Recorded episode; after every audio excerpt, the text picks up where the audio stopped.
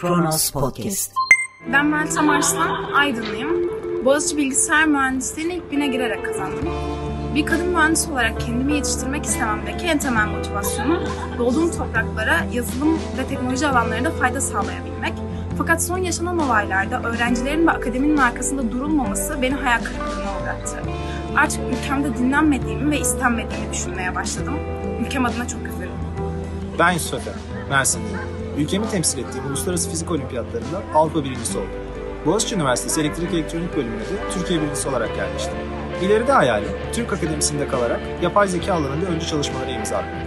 Ancak son bir aylık süreçteki demokratik taleplerime karşılık şiddetle karşılaşmak beni derinden etkiledi. Artık bu ülkede dinlenmediğimi ve istenmediğimi düşünmeye başladım. Ülkem adına çok üzgünüm. Ülkesi için üzülen bu gençler Boğaziçi Üniversitesi öğrencileri. Sadece onlar değil, şu an gündemde onlar olsa da ağırlıklı olarak 15 Temmuz'dan itibaren düşündüğümüzde askeri okul öğrencileri, bürokratlar, esnaf, ev hanımı, kendini yetiştirmiş ya da yetiştirmekte olan, yetiştirmeye çalışan, kendisi için, ailesi için, ülkesi için güzel bir şeyler yapma azmindeki pek çok insan budandı. Bir kısmı hapishanelerde, bir kısmı mezarlıkta, bir kısmı yurt dışında. Ve maalesef sıra Boğaziçi Üniversitesi öğrencilerine gelmiş görünüyor. Çünkü onlardan liyakatleri doğrultusunda bir şeyler talep etmeleri beklenmiyor, sadakatleri doğrultusunda kendilerine verilene razı olmaları isteniyor. Peki tarih bize ne diyor? Bu ilk defa olmuyor maalesef. 2016-15 Temmuz'undan önce de bu ülkenin evlatları budandı ve o budamadan seneler sonra birileri çıktı, devlet adına günah çıkardı aynı durumun yaşanacağı matematiksel bir kesinlikle sabit diyebiliriz. Boğaziçi Üniversitesi öğrencileri kendilerine verilen gözdağının farkında ve bu süreçte yalnız kalırlarsa ya soluğu yurt dışında alırlar maalesef ya da ülke içinde kapasitelerinin kimselerin umurunda olmadığı kayıp bir nesil olacak. Bu bir temenni değil elbette bir tespit ve maalesef ispatı da tarihte sabit. Merhaba 10 Şubat 2021 Çarşamba günün tarihi Kronos Haber'de Kronos günden başlıyor. Boğaziçi öğrencileri dinlenmediğimi ve istenmediğimi hissediyorum. Boğaziçi Üniversitesi'ne Cumhurbaşkanı ve AK Parti Genel Başkanı Recep Tayyip Erdoğan kararıyla Profesör Doktor Melih Bulu'nun rektör olarak atanmasına yönelik protestolar sürüyor. Boğaziçi'li öğrenciler bu kez de yayınladıkları videoyla yaşananlara tepki gösterdi. Öğrenciler sosyal medyadan yayınladıkları videoyla artık ülkemde dinlenmediğimi ve istenmediğimi düşünüyorum. Ülkem adına çok üzgünüm diyerek yaşanan duruma tepki gösterdi sokaktaki vatandaş da farkında. Bu çocuklar çalışkan çocuklar, zeki çocuklar. Kimisinin zekası, kimisinin çalışma gayreti daha yukarıda. Fakat bu çocuklar gelecek vadeden çocuklar. Gençler, pırıl pırıl gençler. Evet farklı yönelimleri var, farklı düşüncelere sahipler. Hangimiz ailemizden ya da çevremizden etkilenmedik ki dünya görüşümüzü oluştururken? Mesele gençler belli bir yaştan sonra bunun farkına varıyorlar ve eski kuşaklar gibi ille dedelerinin ayak izini takip etmiyorlar. Bunu farklı açılardan eleştirebilirsiniz. Burada kastedilen şu. Gittikleri yolu da gitmedikleri yolu da okuyup merak edip inceleyen bir kuşak geliyor. İsmine Z deyin, X deyin çok da önemli değil. İlla adlandırmak istiyorsanız Z deyin. Fakat bu gençlerin vaat ettikleri potansiyelin önüne geçense basit bir iktidar oyunu maalesef basit bir iktidar oyunu. Bir atamada bulunuyor Cumhurbaşkanı. Gençler tepki gösteriyor. Sadece onlar değil hocaları da onlara katılıyor bu konuda. Fakat Cumhurbaşkanı asla geri adım atmayı düşünmüyor. Çünkü iktidarının sarsılacağını düşünüyor. Bir açıdan böyle bakılabilir. Bir diğer açıdan da zaten gençlerin bu tepkiyi göstereceğini öngörerek acaba ben bunun üzerinden muhalefete dönük de yeni bir dizayn operasyonuna girişebilir miyim? Büyük bir ihtimalle aklının bir kenarı planlarında da bu vardı. Fakat sadece o da değil. Düşünün bu ülkede çalışan, dirsek çürüten, okuyarak bir yerlere gelmek isteyen gençlerin önünü kimle kesiyorsunuz? Organize suç örgütü lideri Alaaddin Çakıcı'yla. Ha demiyorum ki bir telefon açılıp Alaaddin Bey sizde bir mektup yazın denildiğini düşünmüyorum. Fakat Alaaddin Çakıcı durumdan vazife çıkarıyor ve Profesör Doktor Melih Bulu'ya bir mektup yazıyor. Öyle bir mektup yazıyor ki hadi buyurun istifa edin diye özetlenebilir aslında. Ülke nereye gidiyor diye sormayacağım. Geldiğimiz yer zaten nereye gidebileceğimize dair de en önemli ipucunu veriyor. Fakat ülkeyi sıkıştırdığınız bu pozisyondan nasıl çıkacaksınız eğer yarınlarımız demek olan gençlerin potansiyellerine güvenmeyecek, onlarla bir arada olmayacaksanız, onları desteklemeyecekseniz ne yapacaksınız? Elon Musk'a ya da Rusya'ya uzay mekiği sipariş edeceksiniz? Uzaya mı çıkacaksınız buradan kurtulmak için? Bu bir savaşa dönüşürse bunun bir kazananı ya da kaybedeni olmayacak ülke sınırları içinde. Ya ülke kazanacak ya ülke kaybedecek. Ya birilerinin iktidar hırsı üstün gelecek ve bu gençler törpülenecek ya da bu gençlere destek verilecek. En azından demokratik talepleri karşılanacak ve ülke kazanacak. Polis öğrencileri video ile tehdit etti. Boğaziçi direnişçilerinin bir kısmının tutulduğu İstanbul İl Emniyet Müdürlüğü'nde görevli MTD adlı bir polis emniyette çektiği TikTok videosunda koğuşları göstererek Boğaziçi misafirhanemiz sizi bekliyor ifadelerini kullandığı bir paylaşım yaptı açık kimliğiyle tehditler savuran polis hakkında kamu görevi esnasında yaptığı bu hareketlerden dolayı adli ya da idari soruşturma açılıp açılmadığı henüz açıklanmadı. Tehlike nedir derseniz işte tehlike budur. Bakınız emniyet teşkilatı da asker kadar sıkı olmamakla birlikte hiyerarşik bir sisteme tabidir. Bu yapı içerisinde bir polis memuru kendisinde bu cesareti buluyorsa cesaretlendiriliyor demektir. Sosyal medya aracılığıyla bunun yayılacağını biliyor, yayılması için paylaşıyor ve orada açık açık vatandaşın bir kısmını tehdit ediyor. Boğaziçi'li dediği bugün Boğaziçi'li. Yarın belki Ege Üniversitesi olacak. Yarın belki Karadeniz Teknik Üniversitesi olacak. Yarın belki başka bir kurum olacak. Yarın belki esnaf olacak. Ama bu tehdit mantığı bir ön almadır. Şimdiden bakın böyle niyetleriniz varsa bedelini de ödersiniz tehdididir. Devlette çalışsın ya da çalışmasın bu ülkedeki herkes hiyerarşik yapı içerisinde memurun nasıl davranabileceğini ve davranamayacağını bilir. Sadece kanunda çizilen çerçeveden bahsetmiyorum. Memur amirlerinin kendisine verdiği bir takım görevleri yerine getirir. Kitapta tanımlı olan görevlerinin yanı sıra amirinin yönlendirmesiyle de çalışır. Onun dışında hele hele böyle bir konuda cesaret gösteriyorsa ya ben buradayım diyerek vazifeli olduğu bir alanda kendini işaret ediyordur ya da özellikle cesaretlendiriliyordur böyle işler yapması için. Her halükarda seçilmiş demektir.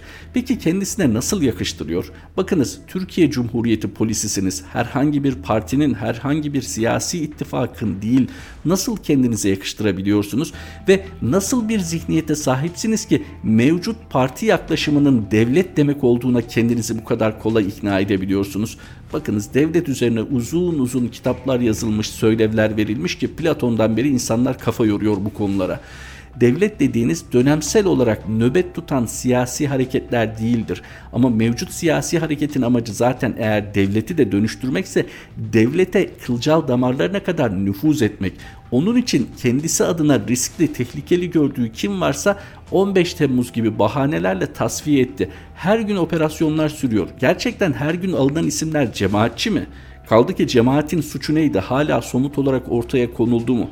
Ortada bir darbe girişimi var. Ortadaki darbe girişimiyle ilgili somut bir suçlama kime yöneltildi? Bununla ilgili kamuoyuyla neden yeterince paylaşım yapılmıyor? Biz dönelim tekrar MTD adlı polise. MTD adlı polis arkadaş şu an ismin mutlaka biliniyor. Yarın yarın dediğim 3 ay olur 3 yıl olur ama sistem değiştiğinde mutlaka bunun bedelini ödeyeceksin. Bu son derece samimi bir uyarı. MTD gibi düşünenler de bugün evet güçlü olan bunlar onların yanında yer almalıyım diyenler yarın devlet atının binicisi değiştiği vakit şaşırabilirsiniz. Ne olur şunu düşünün o tehdit ettiğiniz gençler arasında kardeşiniz olabilirdi, yeğeniniz olabilirdi, kendiniz olabilirdiniz. Niçin onları anlamaya çalışmıyorsunuz? Tamam kabul ediyorum hiyerarşik sistem bastırıyor, göz açtırmayın, şiddet uygulayın ama yapmayın, etmeyin. Sizin elinizde. Ama ne olur geri dönüşü olmayan adımlar atmayın. Sizin gibi sizden hiçbir farkları yok. Onlar da bu ülkenin vatandaşları ve anayasayla güvence altına alınmış hakları var.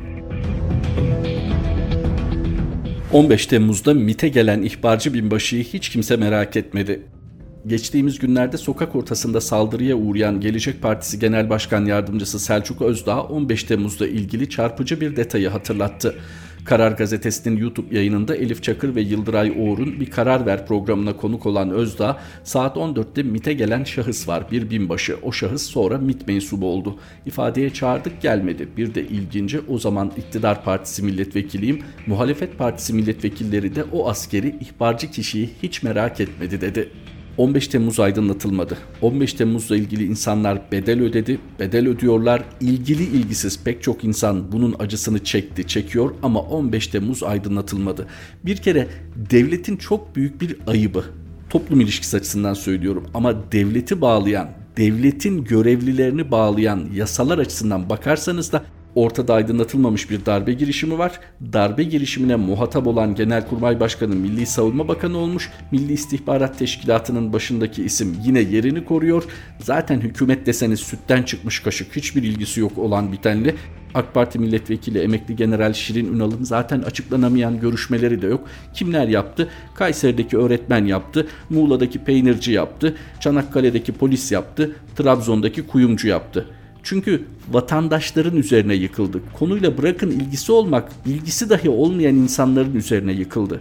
Herhalde dünya tarihinde bu kadar absürt bir darbe soruşturması yoktur. Evet soruşturma mantığı açısından absürt ama sonuçları itibariyle hayat karartıcı. Hali hazırda içeride insanlar var. Bu insanlar dedi ki biz Hulusi Akar'la yüzleşmek istiyoruz yüzleşmediler. Yüzleşemediler. Biz Abidin Ünal'la dönemin hava kuvvetleri komutanı ile yüzleşmek istiyoruz. Yüzleşebildiler mi? Hayır. İstihbarat Teşkilatı Müsteşarı Hakan Fidan lütfedip bilgi verdi mi Türkiye Büyük Millet Meclisi Araştırma Komisyonu'na? Sayın Selçuk Özdağ bugün konuşuyor ama o gün ortalığı yıkması gerekmiyor muydu AK Parti milletvekili olarak, hükümet üyesi olarak? niçin Türkiye Büyük Millet Meclisi Araştırma Komisyonu'na gelip ifade vermiyorsunuz diye ortalığı yıkmaları gerekmiyor muydu? Amacınız 15 Temmuz'u aydınlatmak mıydı? 15 Temmuz'a bir görüntü kazandırmak mıydı?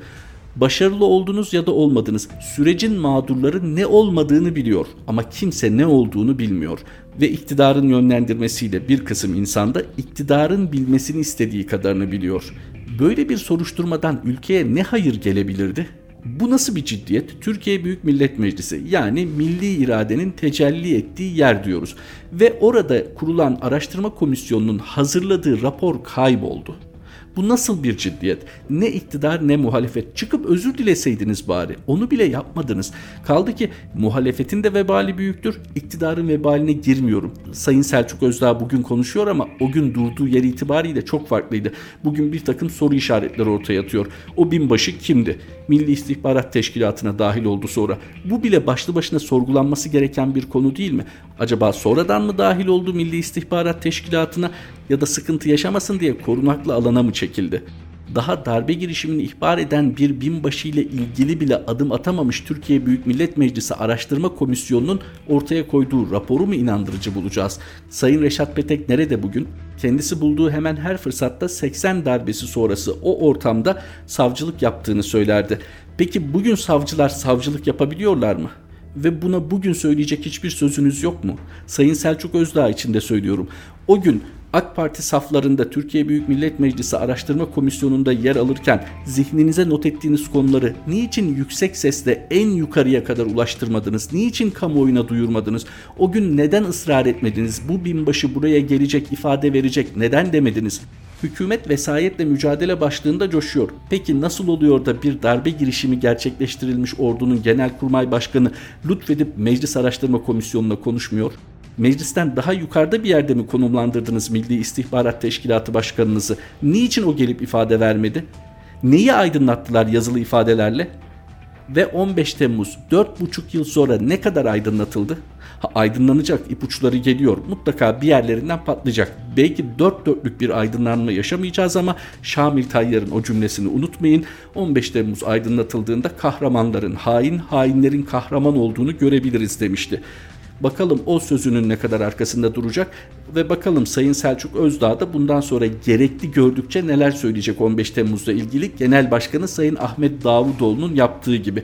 Ne hikmetse bu kadar insan bu konuda acı çekerken onlar siyaseten ihtiyaç duyduklarında gıdım gıdım 15 Temmuz'la ilgili bilgi paylaşıyorlar sağ olsunlar. Yerli uçak nerede? Aşıyı 3 kuruş yardımı beceremiyorlar uzaya gideceklermiş. Cumhurbaşkanı Erdoğan'ın açıkladığı Milli Uzay Programı'na ilişkin konuşan İyi Parti Grup Başkan Vekili Lütfü Türkan, yeryüzünde hikaye bitti, yeryüzünde yalan bitti, gözlerini gökyüzüne çevirdiler. Sayın Cumhurbaşkanı 2023'te Ay'la ilk temas müjdesinin startını dün akşam verdi. Karadeniz'de bulduk dedikleri gazı yememiş vatandaş, bakalım şimdi o gazla Ay'a gidecek mi göreceğiz. Esnafa 3 kuruş yardım dağıtamıyorlar, aşıyı beceremiyorlar, uzaya sert iniş yapacaklarmış. Siz ilk sandıkta kayaya çarpacaksınız dedi. Eski Hazine ve Maliye Bakanı Berat Albayrak'ın geçmişte Cumhurbaşkanımız Ay'a 4 şeritli yol yapacağım dese inanacak seçmenimiz var ifadelerini kullandığını belirten Türkkan, yerli otomobil ve yerli uçak söylemlerinin gerçekleşmediğini belirterek yaptığı açıklamada akıbeti hakkında hala bilgimiz olmayan Berat Albayrak doğru bir şey söyledi. O da buydu. Peki ben de buradan soruyorum. Zeki Müren de bizi görecek mi? İstanbul'a yeni yapılan, dünyanın en büyüğü olduğu iddia edilen havaalanına bile metro ile gidilemezken 2023'te Ay'a gidiyoruz. Buradan iktidara soruyorum. Ay'a gidişlerde yolcu garantili mi olacak ifadelerini kullandı. İyi Parti Grup Başkan Vekili Sayın Lütfü Türkkan'ın hatırlatmaları yerli uçak, yerli otomobil. Kendinizi düşünün. Biri geldi sizden tanıdığınız da biri. Dedi ki bana 100 lira borç verir misin? Verdiniz. Bir ay sonra verecek. Söz verdi. Bir ay geçti sözünü yerine getiremedi. Gelip dese ki şöyle bir olumsuzluk oldu veremedim. Bana bir 100 lira daha verirsen 2 ay sonra vereceğim. Verdiniz 2 ay sonra yine ödeyemedi. Gelip yine dese şöyle bir olumsuzluk oldu ama vereceğim. Bu şartlarda bile belki verebilirsiniz değil mi? Çünkü gelip hangi sebepten dolayı ödeyemediğini söylüyor. Peki hükümet yerli otomobil ve yerli uçak konusunda tarihte verdiği halde bu vaatlerini gerçekleştirememiş olmasının hesabını verdi mi? Seçmen sordu mu bunun hesabını? Ha diyebilirsiniz ki bizde seçmen böyle. Miting meydanlarında söylenir orada kalır. Evet görüyoruz böyle. Ama okumuş yazmış insanlarsınız. Takım elbiseler giyiyor, kravatlar takıyorsunuz, insanların karşısına çıkıyorsunuz vaatlerde bulunuyorsunuz, oylarını istiyorsunuz. E peki sizin hiç aynaya baktığınızda yüzünüz kızarmıyor mu? Hani ben şimdi bana destek verin 2023'ün sonunda sizi Ay'a götüreceğim diyorum da yerli uçak nerede? Niye bunun hesabını vermiyorsunuz? Bunun hesabını sormaktan daha doğal ne olabilir? Sadece yerli uçak, yerli otomobil meselesi değil. Unutmayın kişi başına düşen gayri safi milli hasıla ne kadar olacaktı? Oldu mu? Olmadı. Bunun hesabı soruldu mu? Sorulmadı. Şurası kesin. Seçmenin bilinçlenmesi lazım. Hani sürekli örnek veriliyor ya İskandinav ülkelerinden ya da Batı Avrupa ülkelerinden örnekler verilip Türkiye ile kıyaslamalar yapılıyor. Oradaki bilinçli seçmen kitlesi oluşmadıkça burada da o tip bir siyaset bekleyemeyiz maalesef.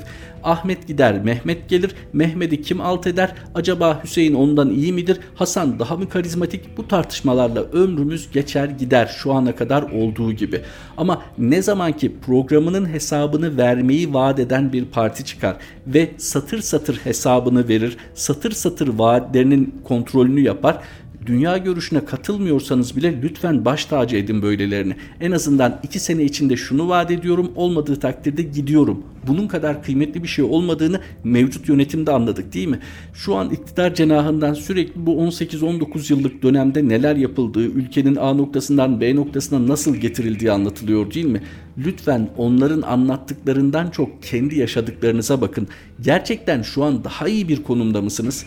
Ülke sınırları içinde hazırlanmış istatistiki verilere de çok güvenmeyin. Çünkü Türkiye İstatistik Kurumu'nun mesaisini ne kadar özgür bir şekilde yapabildiği tartışmalı. Merkez Bankası'nın özelliği kalmamış. Türkiye İstatistik Kurumu'nun nasıl kalsın? Yüksek Seçim Kurulu bir yüksek mahkeme statüsündeki Yüksek Seçim Kurulu seçimin olduğu gün mühürsüz zarfları da geçerli kabul etti. Böyle bir ülkedeyiz şu an ve biz bu ülkede uzaya gitme vaadiyle motive ediliyoruz şu an bankalar bile kredi isteyenin kredi geçmişine bakıyor değil mi? Bir puan sistemi var. Siz bile biri sizden borç istediğinde acaba geçmişte bu konudaki tutumu nasıldı? Bunu düşünmüyor musunuz? E peki ülkenin geleceğini nasıl bu kadar kolay teslim ediyorsunuz? Hesap vermek istemiyor. Sayıştay'ın adı kaldı. Sayıştay'ın raporlarını muhalefet güç bela kaçırırsa sosyal medyadan öğrenebiliyoruz ki bir ülkenin kamu kurumlarında neler döndüğünü anlamanın en kestirme yolu Sayıştay raporlarıdır yine dönüp dolaşıp sözü şuraya getirebilirler. Muhalifler diyor ki AK Parti hükümeti yapmasın da güzel şeyler olmasın. Böyle bir şey kesinlikle yok. Muhalif olmanın temel esprisi zaten ülkeniz için güzel şeyler istemektir, talep etmektir. Bir cümleyle özeti şu. Yerli uçak ve yerli otomobil girişiminin hesabını verdiniz mi ki Ay'a gidiyoruz? Devlet hazinesi yok, vatandaş kesesi var ya, hazine garantili projeler de yok, vatandaş garantili projeler var. Bu milli uzay programı var ya, onun da garantisi biziz, vatandaşlar. Yoksulluktan dolayı intihar edenler varken, pazar artıklarını toplayarak geçinmeye çalışanlar varken gerçekten milli uzay programı çok öncelikli mi diye. Kimse uzayla ilgili çalışmalar yapılmasın demiyor. Sadece öncelikler iyi belirlensin, kaynaklar doğru kullanılsın istiyor. Kronos gündemin sonuna geldik. Tekrar Kronos Haber'de buluşmak üzere. Hoşçakalın. Kronos Podcast